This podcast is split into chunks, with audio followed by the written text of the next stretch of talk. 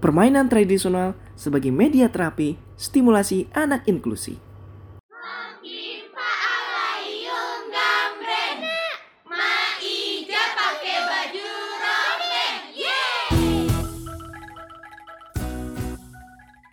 Hai ayah bunda, apakah ayah bunda ingat kapan terakhir bermain dengan si kecil? Setiap makhluk hidup pasti melewati fase tumbuh dan berkembang. Pada manusia, proses tumbuh kembang terjadi sangat cepat, khususnya pada masa kanak-kanak. Pertumbuhan dan perkembangan yang baik menjadi modal utama bagi kelangsungan hidup di masa mendatang. Sebaliknya, jika proses tumbuh kembang anak tidak baik, maka dapat menghambat kelangsungan hidupnya dan diperlukan kebutuhan khusus untuk menstimulasi tumbuh kembangnya.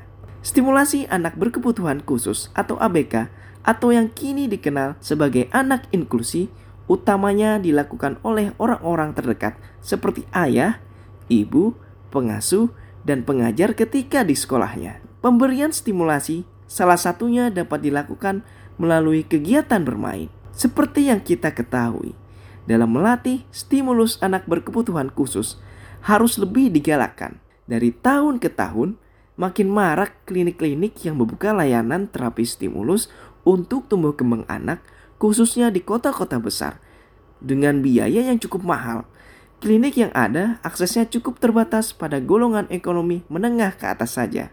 Namun, ayah bunda tak perlu risau. Melatih stimulus anak berkebutuhan khusus juga bisa dilakukan melalui media-media sederhana di sekitar kita.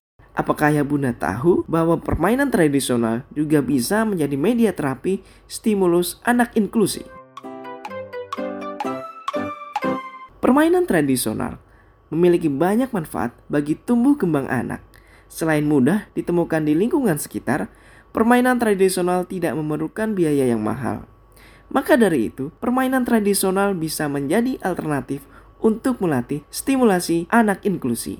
Dari beragam permainan tradisional di sekitar kita, berikut manfaatnya untuk tumbuh kembang anak inklusi. 1. Anak mendapatkan kegembiraan dan hiburan. Kegembiraan merupakan bentuk emosi positif yang diperlukan untuk kesehatan fisik dan mental anak inklusi, sehingga bisa membantu memunculkan potensi-potensi anak yang masih bisa digali. 2. Melatih kemampuan motorik halus maupun motorik kasar anak inklusi. Gerakan berlari, melompat, membidik, membungkuk, dan lain-lain bisa menjadi media stimulasi pada perkembangan fisik anak. 3 melatih kecerdasan dan ketajaman eksplorasi lingkungan sekitar. Anak inklusi yang memiliki hambatan intelektual bisa dilatih stimulasinya dengan cara bermain dan mengeksplorasi lingkungan sekitarnya yang secara tidak langsung anak dapat belajar bentuk, warna, suara, huruf, angka, dan lainnya. 4. Anak belajar bersosialisasi dan berinteraksi dengan teman-temannya. Permainan tradisional yang dimainkan oleh lebih dari dua orang dapat menjadi media belajar anak untuk bersosialisasi melalui interaksinya dengan teman-teman sepermainannya.